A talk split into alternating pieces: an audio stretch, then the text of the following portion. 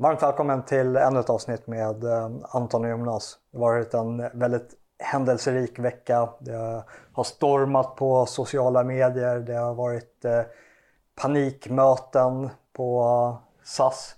Precis, de har ju släppt en fullständigt horribel reklamfilm i det senaste som mött extremt negativa reaktioner. Ja, jag, jag tror i talande stund så är det väl ja, det är hundratusentals som har sett den och fall är 60-70 tusen som har eh, ogillat den. Jag tror att när jag kollade senast hade den typ 71 000 downvotes ja. och kanske 4 000 upvotes. Oh. Det är ganska, ganska dålig statistik faktiskt. Ja, men eh, innan vi börjar lite, lite formalia. Om ni uppskattar programmet och har ännu inte klickat i den här prenumerera-knappen så vore det väldigt uppskattat om ni gör det. Och eh, se till att följa oss på våra andra kanaler också. Vi finns på Twitter, Instagram och eh, vi har en Facebook-sida för Palestra Media. Och eh, vill ni få notiser över vad som händer bortom bara den här Youtube-kanalen så kan man också skriva upp sig på Telegram och eh, skriva upp sig på vårt eh, nyhetsbrev som man gör på vår hemsida palesramedia.com. Men jag lägger alla länkar i beskrivningen. Och eh, uppskattar ni arbetet som vi gör här så är det ja, hela vårt arbete möjliggörs ju av era frivilliga och eh, återkommande donationer. Precis. Toss a coin to your witcher och Valley of Plenty. Ja, för er som följer de populärkulturella strömmarna. Ni kan ju inte ha missat det. Ja, det är lite av eh, Antons esse. Dels är eh, en av dina favorita statsvetare, vad, vad heter han? Bowden. Precis, eller han, han, är, han tog aldrig någon examen. Han är ju ja, men, ja. Bara. Eh, Livets hårda skola. Men, men han, hans specialfält är väl att plocka ut eh, politisk teoribildning från eh, populärkulturen? Ja, han varvade rätt mycket med populärkultur och ja. högkultur. Det, det är något som, kanske ska nämna Bowden sen, man kan säga bara i förbifarten att det är något som skiljer honom från typ Roddy Scruton som skrev en, jag tror att Scrutons sämsta bok, en bok som heter Modern Culture där han visar att han i princip inte förstår någonting som hänt efter 1850. Mm. Eh, han, har ingen, han har ingen aning om vad, vad folk lyssnar på eller ser på TV eller vad det betyder för dem eller någonting utan han, han avfärdar bara allting som, som dumt och dåligt. Det, det är ett väldigt viktigt fält att täcka för eh, alla de här intrycken som man tar in i sin vardag det formar ju också ens betraktelse till världen och hur man väljer att agera i sin samtid. Så populärkulturen är ju otroligt viktig att förstå för att kunna förstå olika samhällsströmningar som kanske också mynnar ut i slutändan i ett politiskt beslut. Absolut. Det, det är väl också, ja, det, nu kanske jag avslöjar för mycket men du sitter ju och skriver på din nästkommande bok också. Precis, jag har suttit och skrivit ett tag skulle man kunna säga. Men äh, ja, jag, kommer få skriva lite till men den, den, kommer ta upp den här typen av ämnen i alla fall. Ja. Och äh, ett företag som inte ett företag av många ska tilläggas, de är knappast ensamma i det här fältet. Men ett företag som inte har några känselspröt i uh, olika uh, samhällsströmningar och en uh, samtidsanda som uh, ligger dem till gagn nu, det är, eller till last. Det är ju SAS som precis har släppt den här reklamfilmen som vi pratade om. What is truly Scandinavian? Grattis! Absolutely nothing. And while we're at it, America, thank you for taking the first steps in empowering the women's rights movement. We're no better than our Viking ancestors.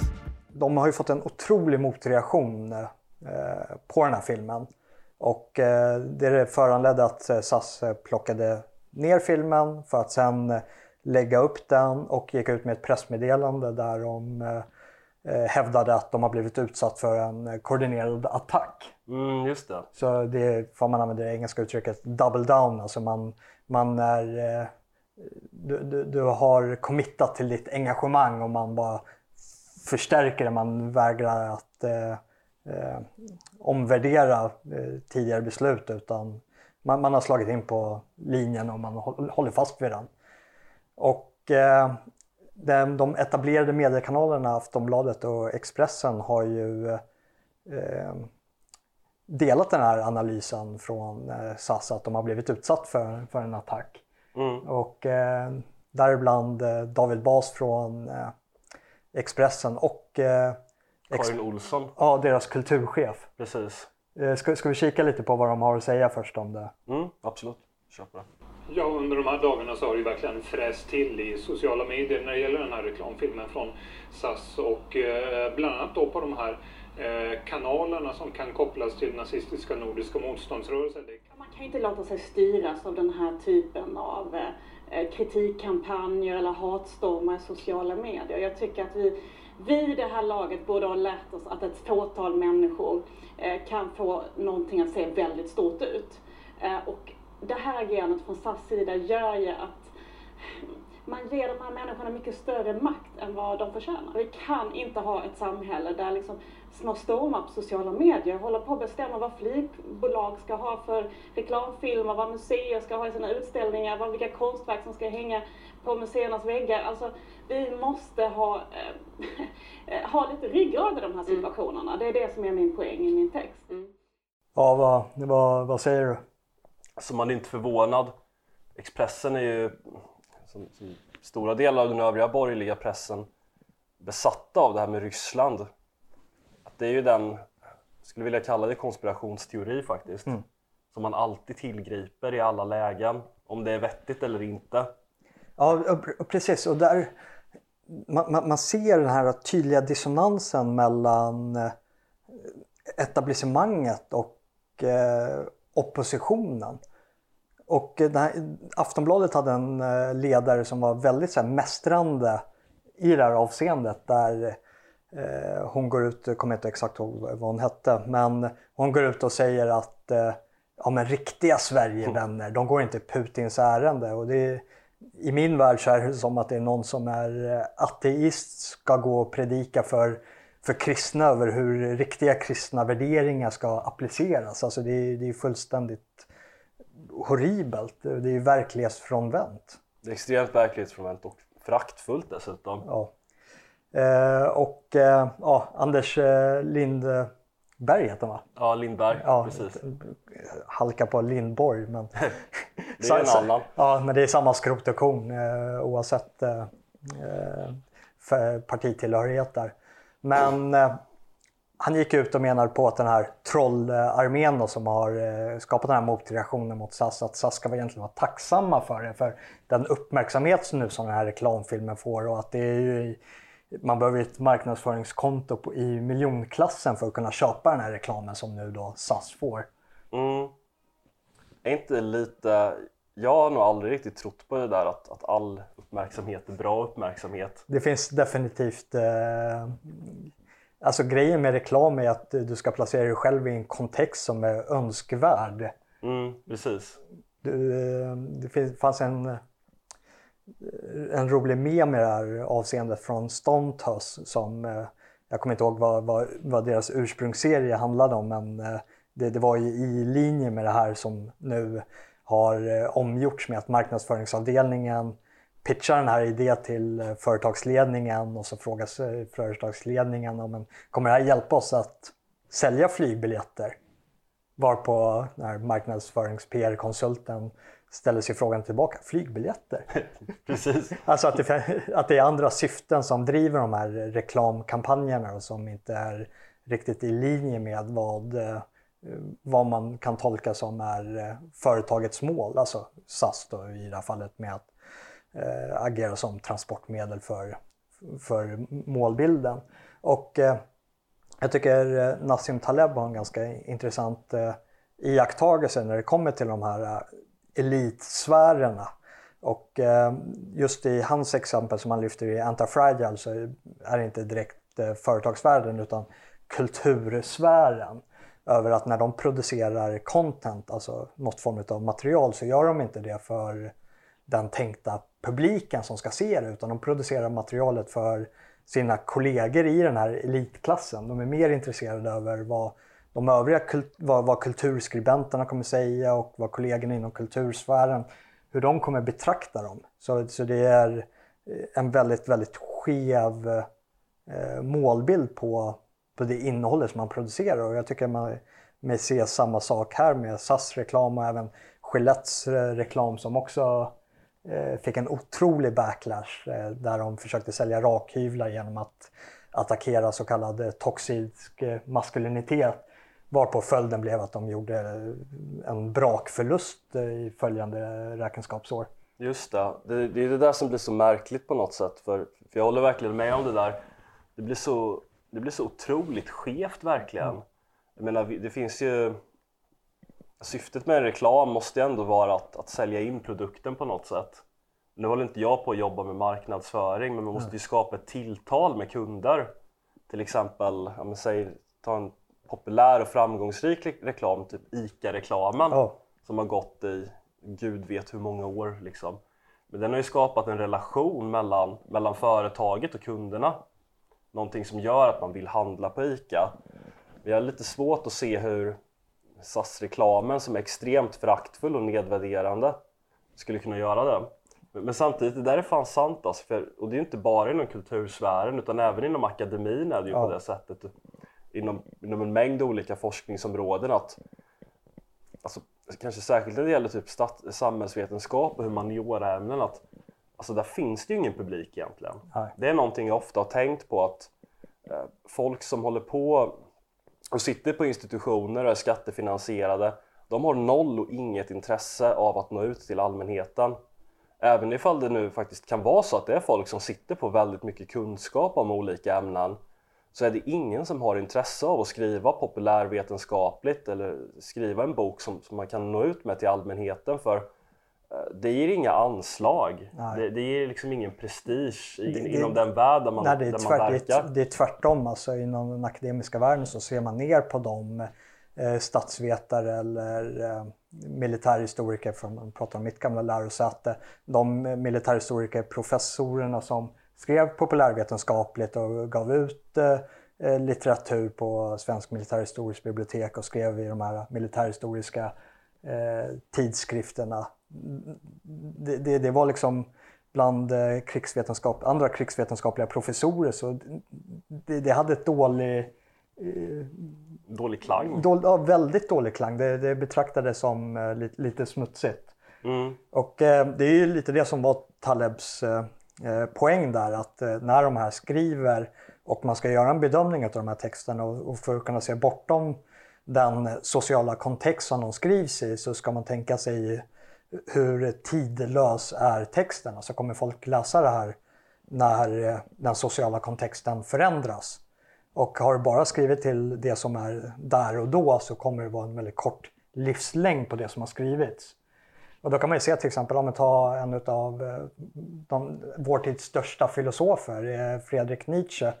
Jag tror att han sålde, nu, nu talar jag från minnet bara, men jag tror att han sålde i tresiffrigt i hans eh, litteratur han gav ut när han levde. Och sen nu efter den sociala kontexten som han befann sig i har förändrats så säljs hans litteratur i liksom miljonklassen.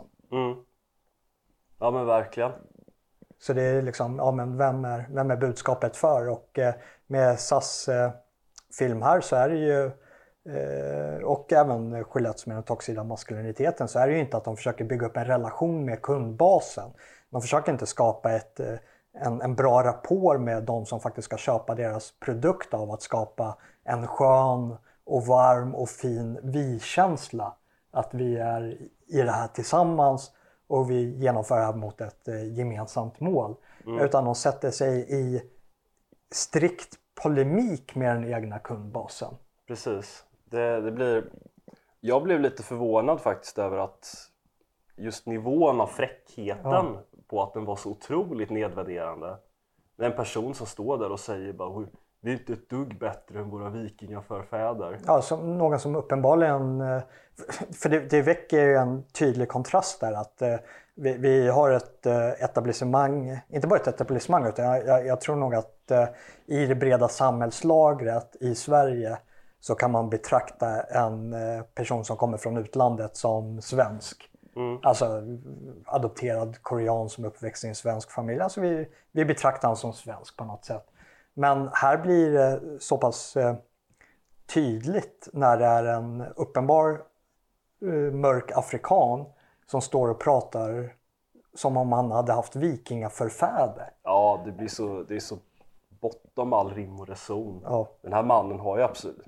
Det, det, går ju över alla gränser liksom, för jag håller med verkligen så att om det, om det inte vore för massinvandringen så, så är det ju ingen som skulle bråka om någon adopterad korean ifall den, pers- eller så, ifall den personen är svensk eller inte. Det skulle Nej. inte vara någonting att bry- bry sig om liksom. Men när det är en person som uppenbarligen inte är svensk, som definitivt inte har haft vikingar som förfäder, står och, och säger sådana saker. Ja, det, det är en otrolig fräckhet. Det, I, i, ett, I ett annat sammanhang så hade det ju aldrig accepterats. Det, det är ju inte som att en, en svensk skulle kunna, eller föreställ er att en vit amerikan eh, gick och pratade om att mina förfäder var ju svarta slavar i, Ja. i, i södern och eh, slet på bomullsfälten. Det är ju ingen som hade accepterat det. Det hade ju sett som sinnessjukt Ja, det, det, ja, det, det går in lite på hur vi har kunnat hamna här. Hur, hur hamnar man i en situation att eh, företag som SAS och Gillette eh, mer eller mindre liksom visar ett öppet förakt mot deras egen eh, kundbas?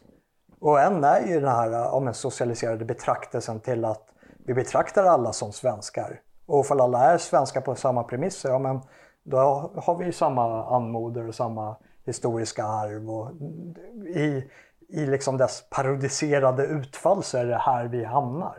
Mm. Och det är ju en slippery slope med eh, de här mångfaldsmålen som ligger i liksom vår tidsanda påtvingat uppifrån från etablissemanget som genomsyrar mer eller mindre hela samhället.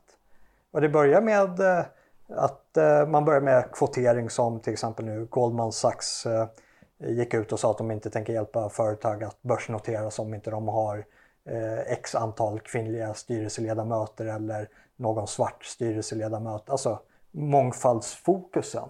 Mm. Och eh, från därifrån så blir det ju någon form av synergieffekt med den här akademiska världen. Folk som kommer in i marknadsföringsavdelningar kommer ifrån lärosäten som vi själva har studerat på. Och eh, den här filmen, om, om våra gamla kurskamrater satt och kollade på den här, de skulle ju inte förstå varför folk blev upprörda över huvudtaget, för de är en del av den här bubblan. Och då förstärks de här eh, mångfaldsmålen i, internt i företaget också. Och eh, man vet inte riktigt var det slutar. Och eh, den här filmen har ju garanterat gått igenom en process genom väldigt, väldigt många människor i företaget. Och det är inte en enda person som har vågat räcka upp han, armen i klassrummet och sagt att ja, men, hur kommer den här filmen egentligen tas emot? Nej, För, för om, du, om du i den här miljön ifrågasätter det här budskapet så ifrågasätter du ganska eh, fundamentala betraktelser till världen. Och det, det vet ju alla som har studerat på ett eh, lärosäte, för du sitter på ett seminarium och ifrågasätter vissa av de här grundpremisserna rörande mångfalden. Att det, det, det liksom väcker nästan ett så här känslomässigt eh, resentiment mot det. Att det spelar inte så stor roll vad du säger utan du, du går in i ett eh, självpåtaget utanförskap. extremt negativt. Och, och sen för att i nästa seminarium ska man diskutera eh, baksidorna med grupptänk. Att det är viktigt att du har en diversifierad syn på olika betraktelser på världen så att man inte hamnar i den här situationen som SAS just nu har hamnat i. Mm. Och då, då blir det ju att vi pratar om två olika former av mångfald. Vi har mångfald utav idéer eller så har vi mångfald utav saker som egentligen inte tillför företaget någonting. Alltså de här yttre attributen att ja, men ett företag är bättre vinst om vi har en diversifierad eh, bolagsstyrelse i form utav etnicitet och kön. Det säger ju ingenting utan det är liksom den här kompetensdrivna tesen som måste avgöra eh, vad mångfalden är och vad den tillför. Inte de här yttre attributen som de tillför. Och så springer man som en blind flock får nerför för ett stup. Jag tror det kallas för, för lämmeltåg. Och så finns det Ja, du, du får, får hindra mig i min rant om du vill flika in. Men eh, en sak till och eh, det, det är just att Goldman Sachs och de här stora internationella företagen som agerar över flera olika marknader driver de här mångfaldsmålen. Och det är ju att det är lättare att genomföra eh, affärerna på...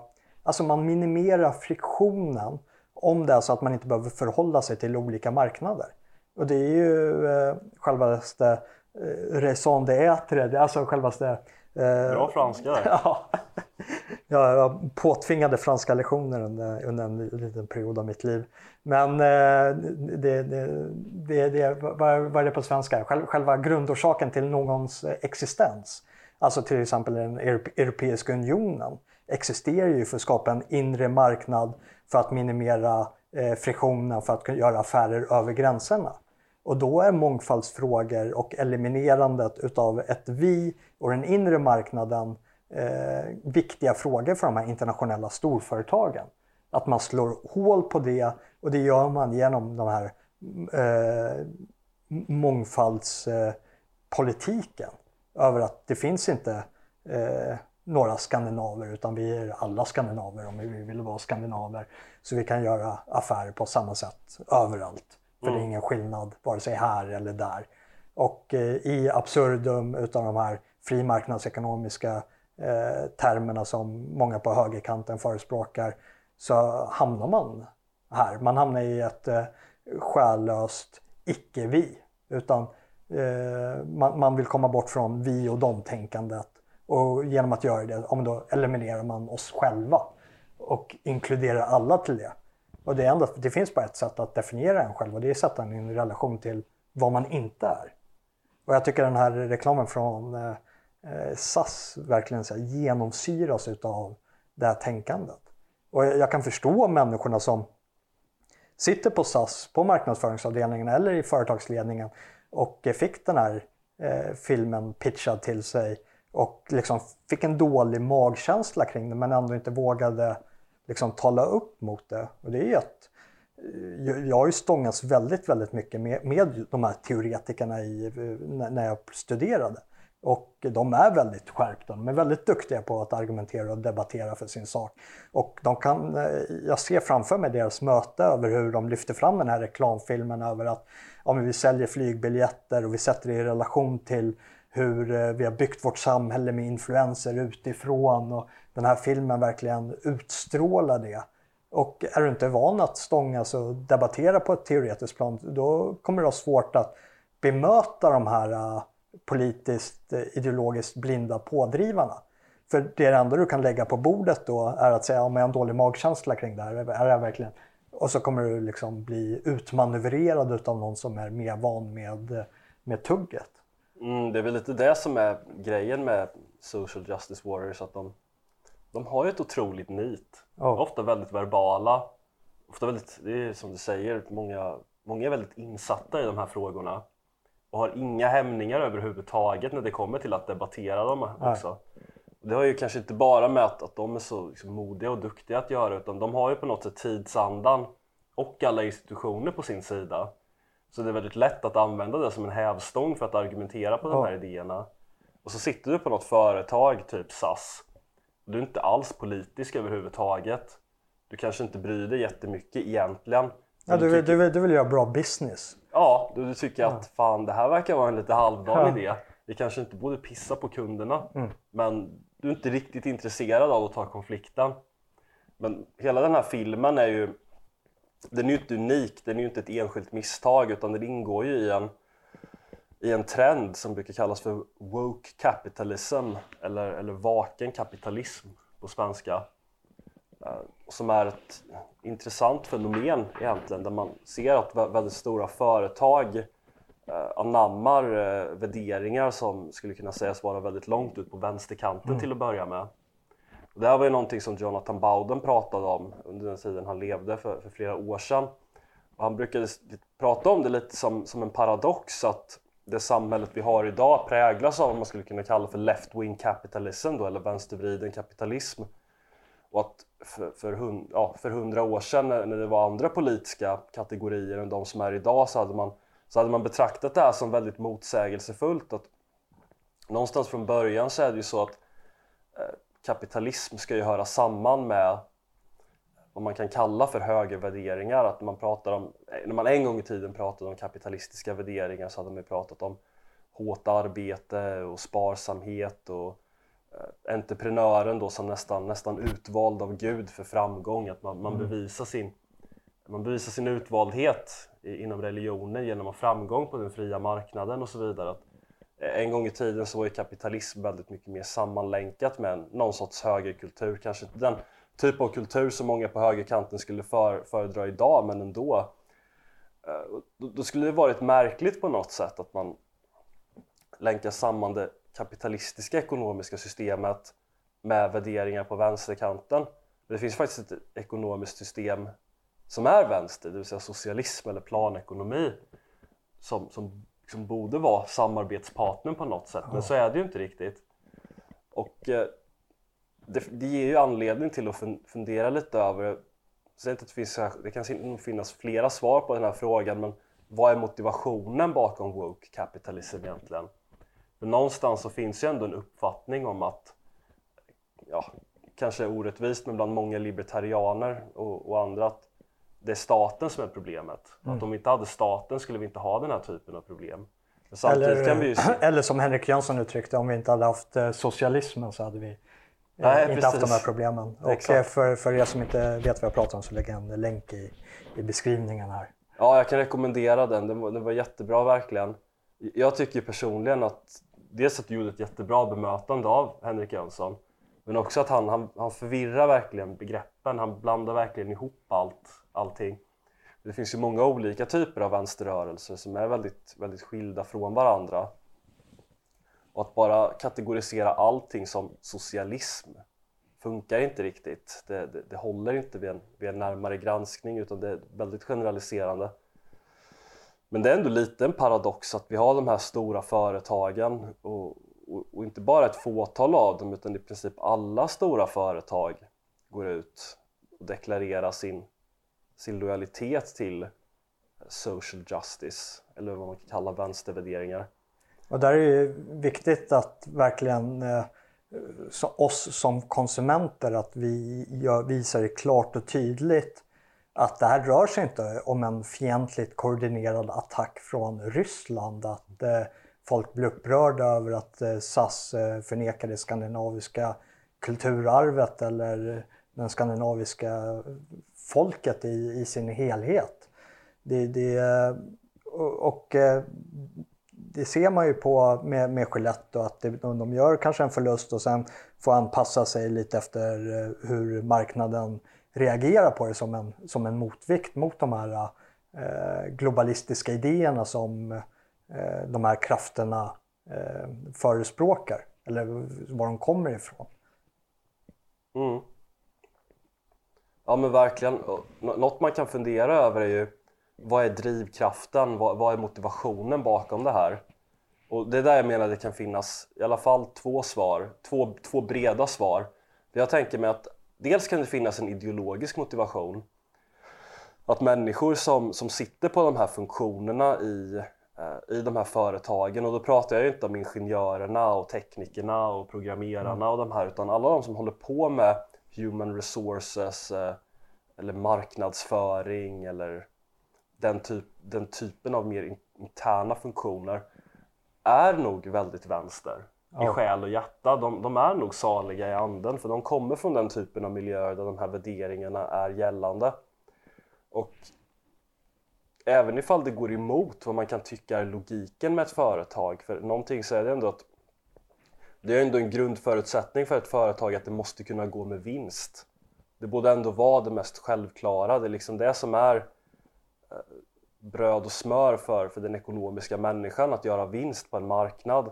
Men här verkar de ju inte bry sig överhuvudtaget om just det där. Men där skulle det kunna vara så att de faktiskt är saliga i anden och att de, de, de ger utlopp för de här värderingarna för att det är det mest naturliga för dem. Ja. Men sen finns det en annan ganska intressant tagning eh, som brukar komma från annat vänsterhåll.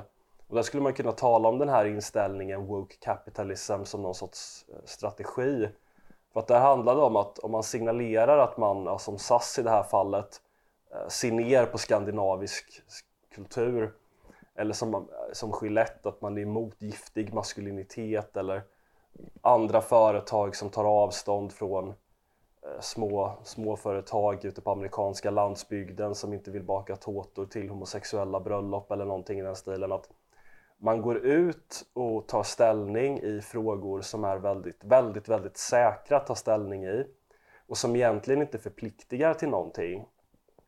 Men samtidigt gör man med ena handen och sen samtidigt med andra handen så gör man affärer med Saudiarabien eller betalar ut slavlöner till, till sina arbetare. Så det här med social justice är egentligen bara en chimär för att, eh, för, att, för att dölja det faktum att man bedriver en väldigt rå cynisk arbetarpolitik på andra områden. Det blir, blir väldigt påtagligt hyckleri. Extremt och om man kommer från vänsterhåll skulle man kunna kalla det här för ja, en, en sorts kapitalistisk strategi egentligen. En, en strategi från kapitalet att, att kapa progressiva rörelser Mm. för att kunna bedriva, för att lättare kunna bedriva en rå arbetarfientlig företagspolitik. Jag vet det var, jag, jag har inte läst hela den boken själv för den, den är enorm men det var en amerikansk litteraturkritiker som heter Frederick Jameson som skrev en bok där han argumenterade för att postmodernism är, i vilket de här värderingarna kan kategoriseras, är kapitalets kulturella logik. Och på något sätt kan man ju faktiskt liksom hålla med om det där. Att även om jag tror att det är inte så här renodlad strategi från kapitalet utan många av de här är ju vänstermänniskor som, som lever ut sina genuina ideologiska övertygelser så måste man ändå säga att det ligger någonting i det för rent liksom empiriskt så är det ju faktiskt på det sättet att de tar ställning i väldigt säkra frågor. Men de- är, de är ju ideologiskt drivna när de befinner sig på arbetsplatsen också. Mm. Och eh, så, så det är ju en väldigt slippery slope när man börjar med de här mångfaldsmålen. Om du börjar med eh, inkvotering utav kvinnor och det slutar med liksom att du måste ha representation från alla möjliga former utav sexuell läggning och transpersonligheter och vad alla till lag så ska spegla samhället i sin helhet brukar heta och så har nått, uppnått full jämställdhet när eh, det, det bara är liksom samhällets typ, avarter eller minoriteter som är representerade på, på företaget. Mm. Men, ja. men jag, jag gick in här på, på Youtube och kollade filmen och se, se vad, vad den låg på nu. Så nu, just nu så har den 510 000 visningar.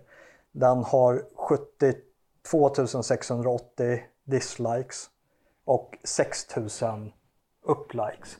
Och det, det är här, jag, jag förstår inte, alltså det måste ju bli en verklighetscheck här någonstans över att de, företagsledningen måste förstå att det här är inte en koordinerad attack.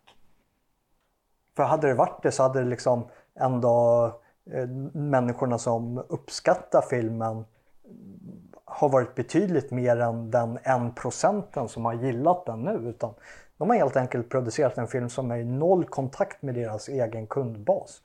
Bredare än så liksom. Med deras ägare. Alltså vi skandinaviska folken.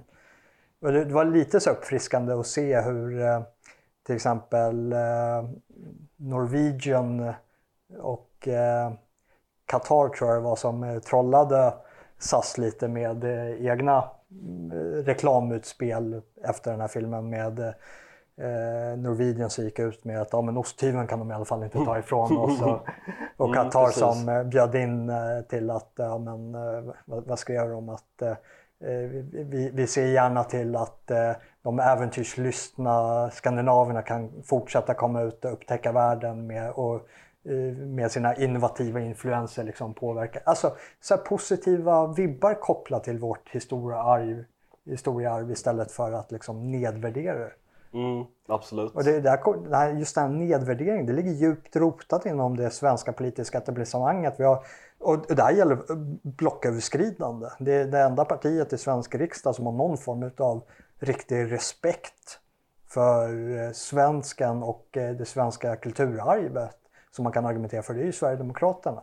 Eh, övriga sjuklöven eh, förnekar liksom svenskens existens och vår, vårt bidrag till, till världen. Det är, det är någonting skamfyllt att lyfta att det skulle finnas någonting som heter svenska intressen eller Sveriges intressen. Utan pratar vi på, på, inom den Europeiska unionen så pratar man lika mycket om den, den gemensamma intressesfären och eh, våra representanter i EU är inte där för att nödvändigtvis representera svenska intressen i den här gemenskapen utan vi ska representera gemenskapen.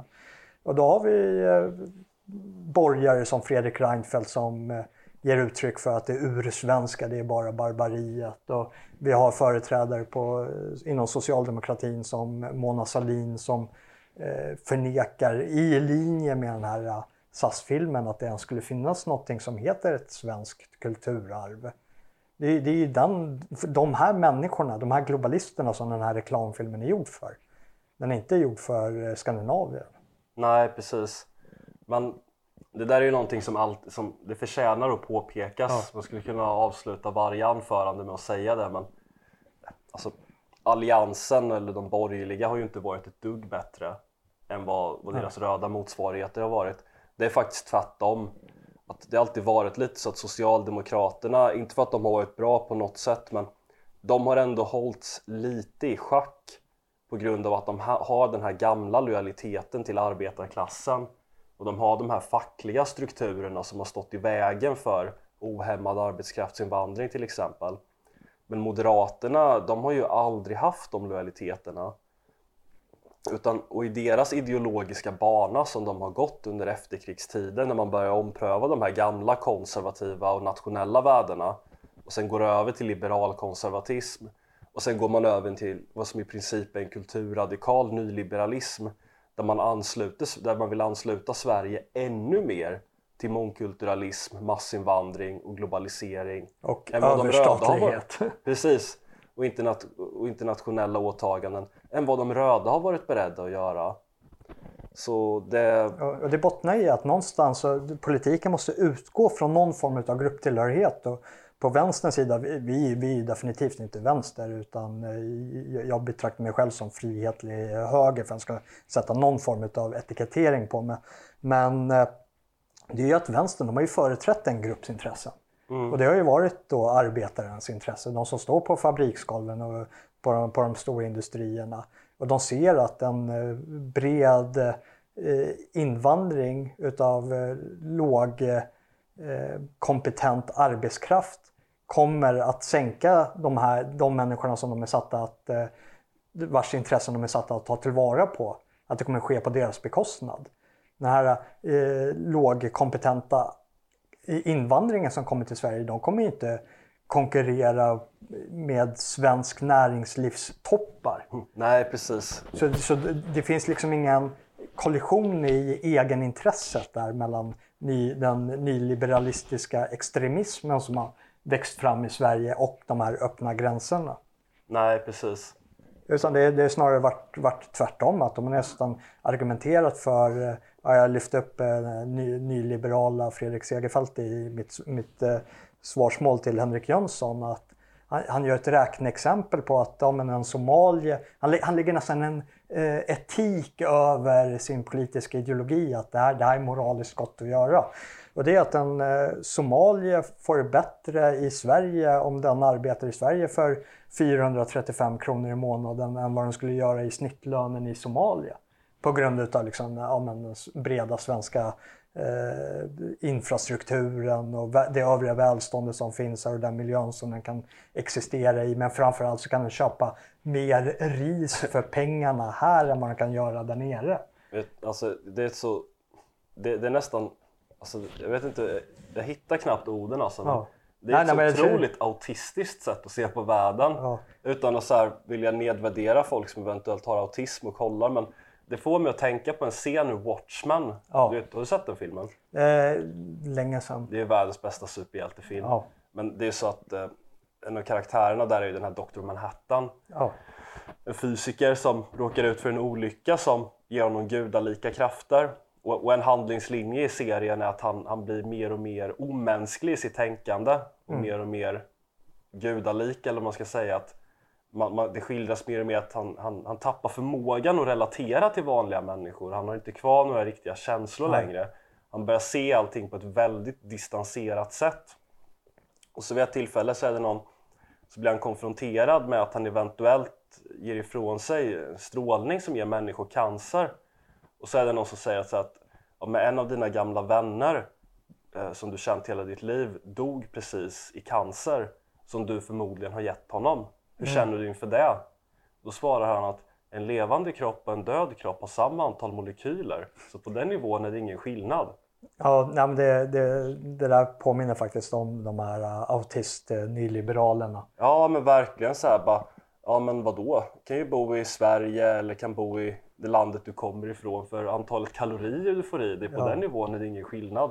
Det Det är liksom så här totalt omänskligt, distanserat sätt att betrakta tillvaron på som överhuvudtaget inte relaterar till hur människor lever och fungerar.